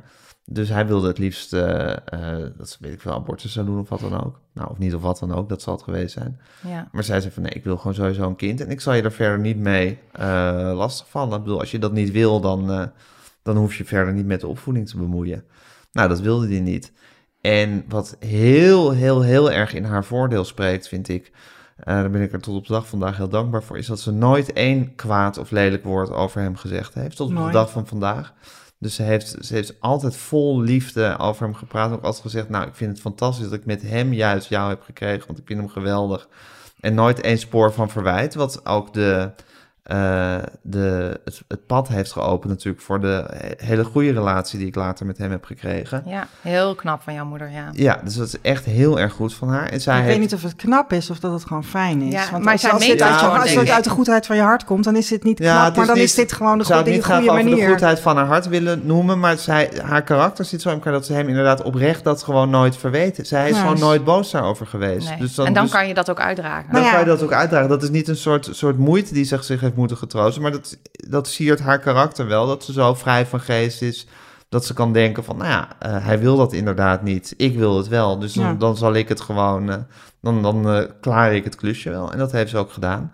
Ja. En, en zij is ook degene geweest die het contact al eerder, toen ik kind was, maar dat is toen, dat is toen niet, niet goed gelukt, maar later ook toen ik twintig was, dat contact heeft geïnitieerd. Zonder Oh ja? dat ik het wist overigens, maar ook gewoon heeft gezorgd van... luister eens Rob, hij is nu zo en zo oud. eh, het is een hartstikke leuke jongen. eh, zorg nou dat je hem leert kennen. Want het is gewoon zonde als je dat, eh, als je dat laat lopen. Ja, En zo is dat alsnog ontstaan, dat contact. En wat ik dan van hem weer heel erg waardeerde... en daarin moet ik ook denken aan jou, Eefje, en je vader... dat je zegt, het is zijn verlies... Dat hij, dat hij altijd heeft gezegd toen we elkaar eenmaal kenden... En, hij mij, en we het heel goed met elkaar bleken te kunnen vinden... dat hij zei van ja, ik snap eigenlijk niet waarom ik, waarom ik je al die jaren niet heb gekend... En eh, ik vind het eigenlijk ook een ongelofelijke domme fout van mezelf. Ik vind, het, een, eh, ik vind het gewoon een blunder. dat ik dat, eh, dat ik dat zo lang heb laten lopen. Dat vond ik natuurlijk altijd heel strelend. Want dat is toch inderdaad wat Nou, je maar wil. terecht. Dus erkenning met terugwerkende kracht. erkenning Ja. met terugwerkende kracht. Maar weet je wat daarop aansluitend van donorkinderen lastig is? Kijk, ik heb het geluk dat ik nu denk dat mijn vader waarschijnlijk max 7 donorkinderen heeft. Maar die eh, grote groepen, Ja. hè, eh, misschien Die denken, wat krijgen we 500. nou over ons heen? Ja, maar ook eh, die donorkinderen hebben nooit een kans op een soort unieke relatie met hun vader. Want die man gaat echt niet met 50 eh, Nee. kinderen om de tafel zitten met kerst. Of, of, wanneer, of één keer per jaar uit eten of weet nee, ik veel. want Snap dan, je? dan heb je een soort dagtaak En je wil toch, je- ja, tenminste, ik heb toch de behoefte dat ik wil toch graag een soort uniek kind van mijn vader zijn. En niet één van de honderden, zeg maar. Of zo. Ja, misschien dan wil je, je sowieso misschien geen wil je kans. ook gewoon, gewoon in ieder geval één keer de gelegenheid krijgen om alles te vragen wat je wil vragen. Ja, en ik, want ik weet het ook niet, hè. Want eh, in het begin was hij dan aan het twijfelen of hij wel ehm, eventueel iets aan mij wilde geven als Mhm. een ontmoeting of niet.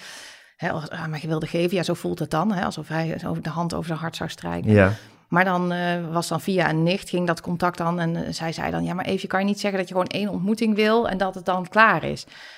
Eh, want dat was een beetje, hij zei, ja, wat wil ze dan precies van mij? En daar hoorde ik wel angst in. Maar ik dacht, ja, ik heb het ook nog nooit gedaan, weet ik veel. Dus ik ga niet nu zeggen dat dat zo is. Maar misschien is dat wel zo. Dus Ja. ik heb mezelf een beetje mee in de vingers gesneden. Aan de andere kant denk ik, ja, er wordt al zoveel gelogen en bedrogen in deze wereld. Dat doe ik gewoon lekker helemaal niet aan mee. Nee, dat is wel heel goed. Dus ja. Dat is ook wel goed voor de zuiverheid. Ik dacht, jij kan dat niet zeggen, of Nee. dat zo is. En Nee. misschien is dat, eh, misschien ontmoet ik hem één keer, stel ik een paar vragen en dan is het misschien wel klaar. Ik vind Ja. het wel heel dapper klinken. Moedig. Zij weer. Ja, nee, nee. Het is wel zo, meiden, dat je eh, door de situatie waarin jullie zitten, dat geldt voor iedereen door, door de situatie waarin je zit, maar zeker voor jullie, je wordt ook wel gedwongen om hele fundamentele vragen te stellen over het leven, aan jezelf. En ja, die, eigenlijk die hele vraag van moet je dankbaar zijn voor het leven? Of mag je je twee verwekkers ook dingen verwijten? Terwijl dat toch ook de essentie is van het hele feit dat je überhaupt bestaat. Ehm, ja, het geeft je ook wel een soort filosofische slash, slash psychologische fundament in het leven. Dat je gewoon gedwongen wordt om over de essentie van het bestaan na te denken. Ja. Ja, voor mij, Dat heeft ook wel weer wat. Zeker. Voor mij brengt het eigenlijk nog meer. Want we hadden het voordat we in gesprek gingen ook even van, joh, wat doe je? Weet je wel, Ja. wat voor werk doe je? Het heeft voor mij ook echt een stuk zingeving toegevoegd. Eh, weet je, dat ik mensen kan helpen om hun vader te vinden. Ja, Eh, dat, wij, dat wij er voor ja mensen want je kunnen was zijn. over je werk aan het vertellen, maar toen zei je, en ik doe ook fantastisch vrijwilligerswerk. Ja, ja, En dat is dat hele speuren en mensen Ja. bijstaan. En uh, ja. ja, Ja, en ook de podcast die we nu maken, weet je, dat Ja. wij met elkaar in gesprek gaan, eigenlijk in de hoop dat, dat dat mensen ook een stem geeft. En dat ze zich misschien minder alleen voelen Ja. ehm, in deze gekke situatie. Want het Ja. is natuurlijk, het is ongebruikelijk om donorkind te zijn. Weet je, het is niet de norm. Nou, het is helemaal niet ongebruikelijk. Alleen die mensen weten het allemaal niet. Er lopen tienduizenden rond die niet weten dat ze het zijn. Dus eh, eigenlijk is het heel normaal. Maar ik wilde nog iets over jou zeggen. Want jij Ja. zei van, hè, dat, dat je ook daardoor filosofisch wordt... doordat je donorkind bent. Maar ik denk eerder dat het ook een beetje in je aard moet zitten. Want ik heb een zus van mijn Ja. moeder, zeg maar. En die eh, heeft helemaal geen interesse Nee, en wil niks van weten. Dus Nee. in die zin kan je ook niet filosofisch zijn en donorkind tegelijk. laten voor wat het is. Ja. ja, zeker. Ja. En is er nog een verschil tussen hoe mannen en vrouwen dit beleven? Ja, dat denken wij wel, maar daar hebben we geen... Eh, generaliserend? Ja. Hebben we geen wetenschappelijke nee, maar wel voor. ervaring. Maar er zijn dus in onze donorkinderen een groep meer vrouwen die zoeken dan mannen. Ja. Ehm, ja, in het algemeen kennen wij meer de, de donordetectives, waren we met zes meiden. Ja. dus ehm, Als ik hem even, even de NS1 in mijn eh, nieuwe familie kijk, dan heb ik vijf zussen. En ik heb ook vijf broers, maar daarvan waren er twee wettig kind van eh, Gerard. Eh, eentje was meegesleept door zijn zus, want die, wilde graag, die zus wilde graag weten of zij vol verwant waren. Dus er zijn eigenlijk maar twee broers en, eh, Ja. en vijf zussen Ja. op zoek geweest. Ja, Vier zussen. Eén zus kwam er per ongeluk achter met eh, Oké. het doen van een DNA-testje voor de lol. ja. voor Dat is, de een mani- lol. ja, dat is een manier ja, waarop ik- veel mensen erachter komen Dat nu. is voor hè? de lol een DNA-testje doen. Ja. Omdat ze zo makkelijk te verkrijgen zijn en mensen zo graag willen weten waarom ze zo graag naar Italië gaan. Ja. Precies. Op vakantie. Precies. Ja. Ja, terwijl ik dacht juist, ehm, als ik deze informatie niet had, zou ik denken dat mannen meer geïnteresseerd zouden zijn in hun donorvader dan vrouwen. Omdat je als man eh, wil je je misschien spiegelen aan je vader. Maar daar heb ik dus helemaal mis. Ja, Nou, we hebben wel een beetje de indruk dat ook de, de, de, de kans op succes, weet je, het feit dat je nu dus kunt vinden, dat dat, dat mannen wel helpt om ook te gaan zoeken. Weet je, dat eerst was het natuurlijk een beetje een soort van heilloze weg, want ja, je, de kans dat je hem ging vinden, die was heel klein. En eh, ja, daar gaan mannen minder snel aan, denk ik. En nu, eh, ja, de mogelijkheid is er. ja. We gaan ze gewoon allemaal vinden. Dus dan, ja, dan kunnen jongetjes ook meedoen. Ja, En het is ook wel leuk dat we ook broertjes krijgen. ja gezellig. Alleen ik maar heb al een zussen. broer. hè? Ja, precies. Ik heb nog geen zus. Nee, Ja, van moederskant natuurlijk. Maar die Ja. ken ik al mijn hele leven. het is hetzelfde als de kinderwens, maar omgekeerd. Ik vind dat wel een belangrijk inzicht. Dat zou ik zeggen, dezelfde drang als waarmee veel vrouwen, even, niet alle vrouwen, eh, heel graag een kind willen. Dat het toch ook iets is dat veel mensen, het zullen ook niet alle zijn, maar veel mensen die drang hebben om te weten, echt te weten wat er zich boven, zich heeft, eh, boven Ja. hen zich heeft afgespeeld. Dat is Ja. ook precies wat er niet klopt in dat verhaal van mijn ouders over mijn ontstaan. Want ze, hebben mij, ze, wilde, ze vertelden dus hè, van nou, adoptie was het niet, wilde een eigen kindje. Nou, Ja. En dat je dus wel een eigen kindje wil, maar dat je het oké vindt om dan mijn familieband door te snijden, omdat jij een eigen kindje wil. Dus eigenlijk zeg je van, ik wil een eigen kindje, want bloedband is belangrijk. Maar eh, jij hoeft niet te weten wie je vader is, want dat maakt niet uit. Ja. Nee, weet je, dus Ja. er zit, dit, Ja, maar zeggen dat klopt ze, niet, we hè? willen een eigen kindje, want bloedband is belangrijk. Of zeggen ze, we willen een eigen kindje omdat, die, omdat jouw moeder gewoon heel graag een zwangerschap wilde doen. Ja, dat speelt voor vrouwen natuurlijk ook Ja. een rol. Ja. Maar goed, het, het, het beetje feit blijft dat het dan dus oké is om mijn Ja. familiebanden door te snijden. Ja, Nou ja we- het, is gewoon een, het is gewoon een heel belangrijke les die we dus blijkbaar met de tijd hebben moeten leren. Dat je eh, als kind gewoon heel, of tenminste dat je, er, dat je er heel veel rekening mee moet houden dat een kind heel graag wil weten wie zijn biologische ouders zijn. En dat dat eigenlijk een soort, nou wat jullie een mensenrecht noemen, maar een soort fundamentele wens is die je eigenlijk moet eerbiedigen voor zover dat kan. Weet je, als, als mensen die wens hebben, Ja. want het niet, Ja, wat, dan wat, kan je, wat dan kan, net dan kan je die niet in de wind slaan, dan kan je daar niet Nee. achterloos mee omgaan. Nee, en dat betekent ook niet dat iedereen moet zoeken of zo. Nee. Eh, alleen als je die behoefte hebt, het is wel gewoon ja, informatie waar je recht op hebt. Ja. En dat is, ook, dat is ook het gekke. Weet je, iets wat, wat, wat voor jou vanzelfsprekende informatie is, daar, daar heb ik dus drie jaar voor moeten stambomen. En nee, dat vond ik in het begin ook echt niet leuk. Nee. Weet je? Maar nou is ze verslaafd. Wat goed dat Ja. het echt een werkwoord is. Daar heb ik drie jaar voor moeten stambomen. Ja. Ja. hey, en ehm, ehm, wij hebben voor jou ook een DNA-testje. Niet. Ja. ja, want we willen wel eigenlijk wel heel graag weten of jij dan nog broertjes of zusjes Ja. hebt. Maar, eh, ehm, en, eh, leg even uit praktisch gezien. Dan doe ik die DNA-test. Ja. Wangslijm? Ja. Of niet? Ja, En dan? en dan, eh, dan eh, het, zijn watstaafjes, die doe je in een, eh, in een, in een flesje, dat gaat in een envelop. Ja. Eh, dat gaat naar een, naar een lab. Ja. En dan kom je in een DNA-databank te staan. Ehm, en dan krijg je eh, DNA-matches. En je Ja. kunt dus zien eh, wat, eh, ja, hoeveel procent eh Ashkenazi of uh, Sephardisch of Ja. eh, West-Europees. Ja, of je- allemaal in hoeveel zit. viking jij bent. Ja. Ja. Ja. Dat, is allemaal, dat is allemaal wetenschappelijk wat minder betrouwbaar. Ehm, maar eh, En die je krijgt dus krijgt ook, als er dus andere mensen die ook die DNA-test hebben gedaan Ja. en bij die bank hebben ingeschreven, Ja. Of die een match met mij hebben. Ja, en dat kan, die match die kan dus zijn dat je achter, achter, achter, achter, achterneef bent. Ja. Of achterneef. Maar ook broer. Of neef. Of halfbroer. Ja, Ja, of zus. Ja. Maar eh, Esther, ik kan er toch ook voor... Het is eigenlijk best wel een soort, soort intrusive dat je dat gewoon zegt, we hebben dat ook. Want dat dat, is wel heel brutaal, hè? Wat? Nee, ik vind het leuk hoor. Want ik kan gewoon, ik ben grote jongen, dus ik kan best nee Ja. zeggen. Maar dat is best wel een soort, soort ding waar je dan aan overgeeft. Ja, klopt. Want als je die informatie hebt, ja, je kan er niks mee doen. Of je kan er wel, maar alleen of je er iets mee doet of niet, is dan al een keuze die je maakt. Ja, ja klopt. En, en kijk, voor de meeste mensen is het natuurlijk in zoverre geen issue. Die vinden het leuk om te weten eh, waar, waar, waar ze dan vandaan komen. Ja, maar be careful waar what you een, wish for. Nou ja, Ja. dat. Ehm, weet je wat ook het fijne is? Want er zit ook nog een andere kant aan. Ehm, je kunt hier ook mensen mee helpen. Want stel nou dat een achterneef van jouw moeder ooit eh spermadonor is geweest. Ja. En jij test. Ja, En iemand, iemand heeft dus een mooie achterneef match met jou. Hè? Of Ja. first cousin once removed. ja. Dan kunnen we voor iemand zijn donorvader vinden. Ja, precies. Jullie vinden het ook een soort... soort Het is eh, ook, je kunt ook mensen ermee helpen. En Ja. ik, heb, ik heb dus mijn vriend getest. Eh, eh, al Omdat- mijn vriendinnen hebben een testje Omdat je gedaan. denkt, hoe meer mensen er in die bank zitten, hoe meer donorkinderen er geholpen Ja, kunnen worden. en Dus je eigenlijk, geadopteerden. en geadopteerd. Dus je vindt eigenlijk dat ik het voor, voor de, de donorkinderen op de wereld, zou je eigenlijk in, in die, eh in die Zou bank moeten iedereen dat moeten doen. Ja. ja. Vanwege het vinden Ja. van matches. ja. Maar voor jou, voor jou is het misschien ook wel leuk als je dan een broertje of zusje... Ik, ik, heb een, ik heb een halfbroer. Hij, Kijk. mijn vader had gewoon een wettige zoon. Dus die, die ken ik ook niet super goed. Maar ik weet wie het is. En ik heb hem ook vaak ontmoet. Dus eh, dat weet ik. Hoe is, dat, hoe is dat voor jou? Want heb jij dan ook... Ja, jij weet natuurlijk wie je vader is, dus je bent misschien minder op zoek naar herkenning. Maar zie je dan dingen bij hem of vind je daar iets in? Nou, ik lijk heel erg op mijn vader. En hij lijkt in ieder geval uiterlijk gezien ook wel op, eh, op, op onze vader. Dus ik, ik, ik herken wel gewoon trekken. Ik ken hem niet goed genoeg om te weten of we ook, of we ook karakterologisch heel erg op elkaar lijken. Of dat, we, dat, we, dat er overeenkomsten zijn. En jullie hebben ook niet de behoefte om elkaar dus heel erg op te Blijkbaar zoeken. niet, anders hadden we het wel Ja. gedaan. Ja. Ja. Ja, dat kan ook natuurlijk. Ja. Ehm, maar jij vindt dus eigenlijk dat testje moet doen om de donorkinderen te helpen. Ik zou je in ieder geval heel van harte ertoe willen uitnodigen.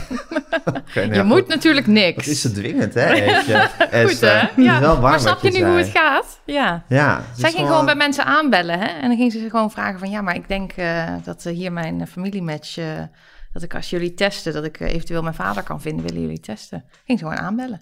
Met een appeltaart. Want toen was je nog, En op zoek, toen was je nog op zoek naar je vader. Ja. ja, ik had trouwens die keer geen appeltaart bij me. Maar ik heb inderdaad wel... Maar toen was je op zoek naar je vader en toen had je, had je het vermoeden dat die mensen familie van je waren of van Ja. hem. Ja, En, en, dus, en je had hun, hun test nodig eigenlijk om, Ja. om dichterbij te komen. ja, ik had op een gegeven moment had ik, eh, ik had dus een, een voorouderpaar geïdentificeerd. eh een van de kinderen van dat stel uit Mhm. 1800. Die mensen hadden acht kinderen en die hadden eindeloos veel kleinkinderen. En nou, weet je, was onbegonnen werk. En toen ben ik eigenlijk in die acht, die acht kinderen die ze hadden, ben ik van ieder kind een levende nazaat gaan zoeken. Ja. Samen met mijn zoekvriend Ivo, die heeft me geholpen. En ik, bij de vierde zat ik bij mijn broer aan tafel. Maar ik heb dus steeds, ja, zo die takken ben ik gaan, ben ik afgegaan. Ja. En inderdaad, die mensen waar ik heb aangebeld, dacht ik dus echt dat dat de broer van mijn vader was. Maar dat Was bleek, niet zo. bleek niet zo te zijn. Nee. nee. Maar die man Maar wilde wel heel lief Jij voelt helpen. geen enkele terughoudendheid om dat te gaan doen. Om dan aan te bellen. Oh, ik, ik, ga, ik, ik sterf duizend Oh, je doden. sterft duizend oh, doden. dat is Oh, dat wel. verschrikkelijk. Ja, natuurlijk. Daarom is het ook Ja, dapper. Als je Ja, niet is bang waar. bent, is het ook niet, hoeft het Oh ook niet dapper te man, zijn. Het- ik, vind, ik vind het doodeng. En ook, Mhm. ik, ik, ja, ook toen ik eh, eh, mijn broer, waarvan ik dus nog niet wist dat het mijn broer was, toen ik, toen ik die mensen belde, zijn vrouw nam op en die zei ook, oh joh, je bent nerveus. Ik zei, ja, ik, Heel ik vind nerveus. het doodeng. Ja. Wildvreemde mensen bellen en dan zeggen van, goh, jij, ik denk dat wij familie zijn. Of wij zijn familie. Want dat wist ik eigenlijk wel zeker. Alleen, Ja. Ik wist niet in welke tak ik moest zijn. Willen jullie me helpen om... En dan zei ik wel om takken uit te sluiten. Ja, En eh, nou, dan zeggen mensen, ja, tuurlijk. ja Dat, eh, doen we. Mensen zijn lief hoor. Ja. Ja, en dat weet zij, omdat zij dat gaat doen. En ik denk dan, ja, mensen denken van, eh, ga weg, eng wijf, of zo, snap je? Dus ik, ik ben daar niet aan begonnen, dat soort dingen. ja, ik geloof dat, dat ik nog niet eens een begin heb eigenlijk van echt begrijpen hoe dit zit. Of tenminste, bedoel, het is, het, is, het, is, het is een onderwerp wat zo aan de fundamenten van ons, ons aller bestaan raakt, dat je er ook weer nooit over uitgepraat eh, raakt, denk ik. Nee, Maar goed, daar is jullie podcast voor. zo is Om het. dit helemaal, eh, helemaal uit te gaan diepen, dit... eh, Ja, we, hebben nog, thema. we hebben nog eh, A4'tjes vol met ideeën en dingen die we ja, graag willen jullie kunnen hier bespreken. eeuwig over doorpraten. Ja. Ja. Ja, Ik denk in ieder geval dat we nog wel een tijdje stof hebben. zeker. Ja. Ja. zeker. Dus, dat is de kwak kwaakt. En ik dank jullie heel hartelijk voor het feit dat jullie me hier ontvangen willen hebben en ja, allerlei DNA-testen voor me hebben gekocht. heel sympathiek. Ja. Wat gewoon puur opportunisme is, maar het maakt niet uit. En succes met alles. eh Jij Naas. bedankt, Dankjewel. Gijs. En moet ik, kan ik nou gewoon even uit de grond van mijn hart zeggen van... ik hoop dat je vader je wil zien? Ik vind Ja dat, hoor. Ja, maar ik Ja, vind dat ook een zeggen. beetje... Ik vind, dat geeft hem zoveel macht. Ik vind dat te veel eer eigenlijk voor Ja, hem. maar ik overleef het ook wel als hij het niet wil. Dus, eh, maar je mag wel zeggen dat je het hoopt. Oké, eh, dan hoop ik het gewoon voor jou. ja, En voor hem ook trouwens. Ja. Dit was Met Groenteman in het Nieuwe Normaal met Esther de Lauw en Eefje Habits. Mijn naam is Gijs Groenteman. Ik maak deze podcast samen met Daan Hofstee. U kunt zich abonneren op alle mogelijke manieren. U kunt ons een mailtje sturen, podcasts.volkskrant.nl. Kunt ons volgen op Instagram, @metgroenteman. En geef ons, als het kan, lekker veel sterretjes.